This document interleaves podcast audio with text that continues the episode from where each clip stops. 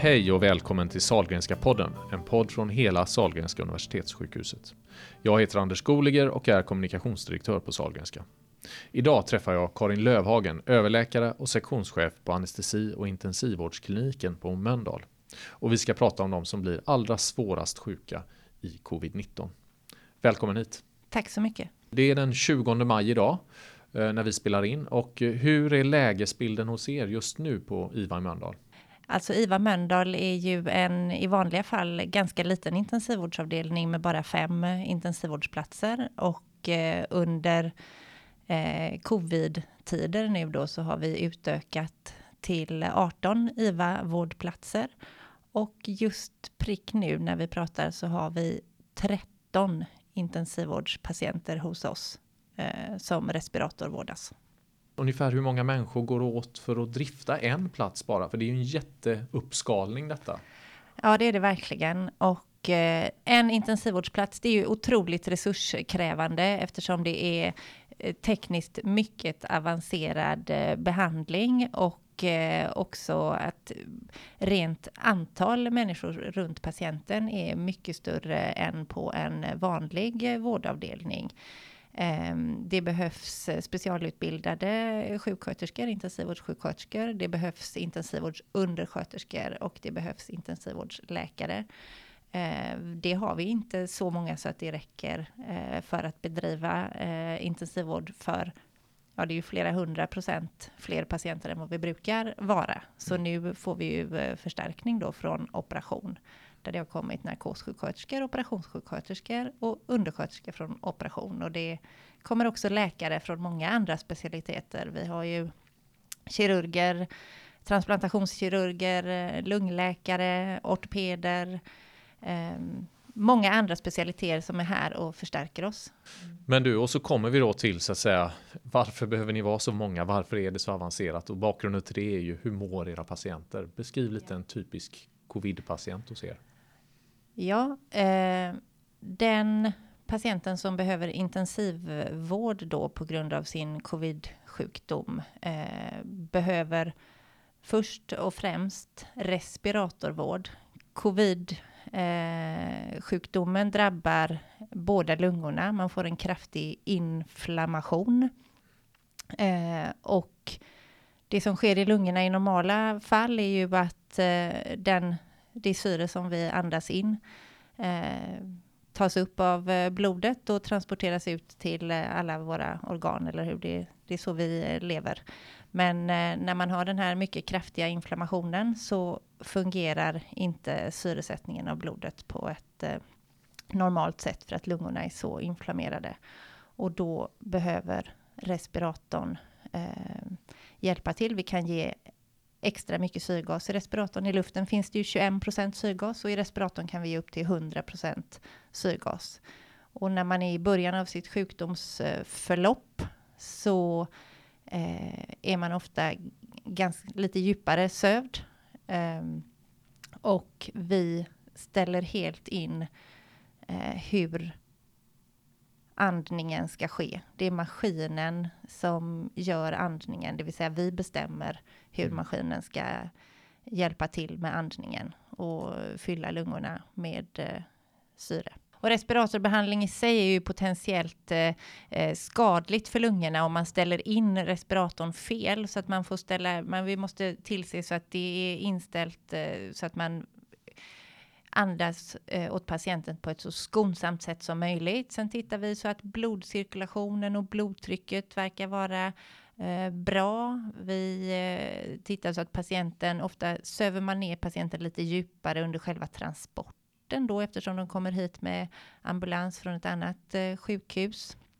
Ehm, vi ser så att man är lagom djupt sövd. Man ska inte vara för djupt sövd men inte heller eh, så lite sövd så att man eh, får problem att andas emot respiratorn på ett sätt som inte blir bra för lungorna. Eh, så vi går igenom och så tittar vi så att njurarna eh, får den blodcirkulation de kan ha, ska ha så att de eh, producerar urin och vi tittar liksom igenom organ för organ så att, så att det fungerar så väl som möjligt. Och sen handlar ju intensivvård väldigt mycket om att stötta alla organsystem under tiden medan kroppen själv reder upp eh, den sjukdom som den är drabbad av.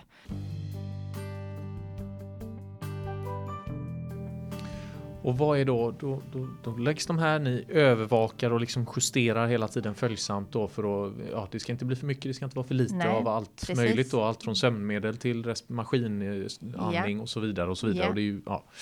Men, men vad tittar du efter sen? När ser du att liksom, ah, men nu börjar det kanske gå åt rätt håll här. För, för när man tittar på det utifrån så att säga, och jag har ju besökt det, då, Ja. då ser man ju patienterna ligger ju där och de kan ju inte själva meddela sig att de känner sig bättre eller och det är ju maskiner överallt. Men vad, vad är första tecknet att du känner att men det där kommer nog att kanske gå vägen? Ja, eh, vi tar ju blodprover eh, varje dag som vi följer eh, och då kan man se om eh, eh, inflammationen som eh, ju kroppen är drabbad av verkar eh, fortfarande öka eller om det vänder och börjar lugna ner sig.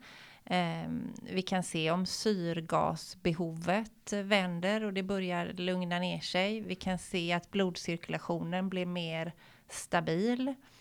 Eh, vi, I intensivvård ingår också att man varje dag minskar på sömnmedicinen och ser vad patienten tycker eh, om det. Eh, och när vi ser att de olika ehm, parametrarna och värdena går åt rätt håll, ja men då börjar det bli dags att eh, trappa ut och minska och till och med stänga av sömnmedicinen. Se hur patienten reagerar.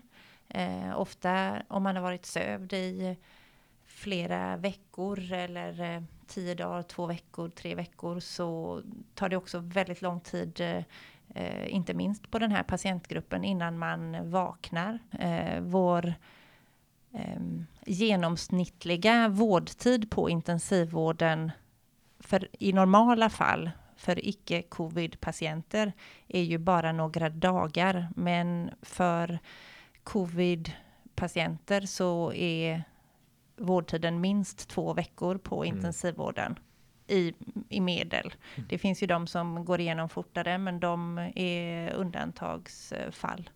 Men en, en annan fråga det är ju det här och, och det känns ju viktigt att säga också om jag eh, förstår rätt och det hoppas jag men så är det ju de flesta överlever ju intensivvården och så är ni, ni skickar ju ut de flesta Ja. så att säga vid liv. Ja, så är det absolut. Och eh, även om man har en lång intensivvårdsperiod eh, bakom sig så eh, efter någon ibland, eller snarare oftast några då veckor, så eh, när vi väcker patienten så tar det oftast flera dagar innan man eh, vaknar. Men eh, ofta har man då under vårdförloppet fått en så kallad eh, track. Eh, ett, vi har gjort ett hål på halsen och eh, eh, kopplat respiratorslangen dit istället. Det är eh, mer skonsamt att ha respiratorn där när man ska vara lite mer vaken. Mm. Och sen eh, andas patienten mer och mer själv och vi kan koppla bort respiratorn. Patienten kan börja medverka allt eh, mer och träna och sitta på sängkanten, eh, stå bredvid sängen, börja svälja så smått och sen få börja lära sig att prata fastän tracken är kvar. Och successivt så eh, blir man som patient då mer att man medverkar allt mer och, och blir piggare. Och eh, ja, vi skickar patienten sen till, eh, vi har mycket tätt samarbete med medicinkliniken här, som på ett fantastiskt sätt har skapat en, eh, vi kallar det för en post-IVA-avdelning, men där de har också jämfört med vad de brukar erbjuda på den avdelningen en ökad vårdnivå och vi är uppe eh, på den avdelningen någon gång per eh, dygn och tittar igenom patienterna tillsammans och, och patienten fortsätter träna där uppe när den inte längre behöver respirator. Mm. Vård och successivt, men det är lång återhämtningsperiod. Så det är, och patienten är försvagad i muskler och, och allting sånt. Och, och eh, ofta som jag sa förut lite förvirrad men, men, men successivt så kommer man eh, tillbaka. Eh, sen är det så att en del kommer att ha kvar som ärr i lungorna eh, och ha inte samma lung och andningsförmåga som man hade innan man sjuknade och det kan kvarstå några månader eller upp till ett år. Mm. Och en del patienter har nog med sig det under längre tid än så. Förstår patienterna vad, vad de har varit med om? När du, du beskriver det här lite förvirrade, eller förvirrade när de vaknar och det är en lång, man får öva sig på att sätta sig upp, svälja. Det, ja. det är svårt att föreställa sig nästan. Ja, men, men förstår de vad som har hänt? Ja, eh, det gör de. I början, vi upprepar ju, vi pratar ju väldigt mycket med patienten även när de är sövda.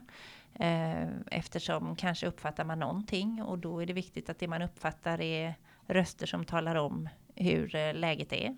Så vi brukar ju tala om vad det är för dag och vad de är och varför de är hos oss. Att man vårdas för en lunginflammation och, och um, vi har ju telefonledes nära kontakt med deras anhöriga som ju tyvärr eh, inte får komma och eh, besöka patienterna som det är nu med den här eh, smittan och sjukdomen. Men eh, vi har nästan alltid ett budskap från anhöriga till patienten. Eh, de, den och den hälsar. Och, den och den mm, mm hälsar.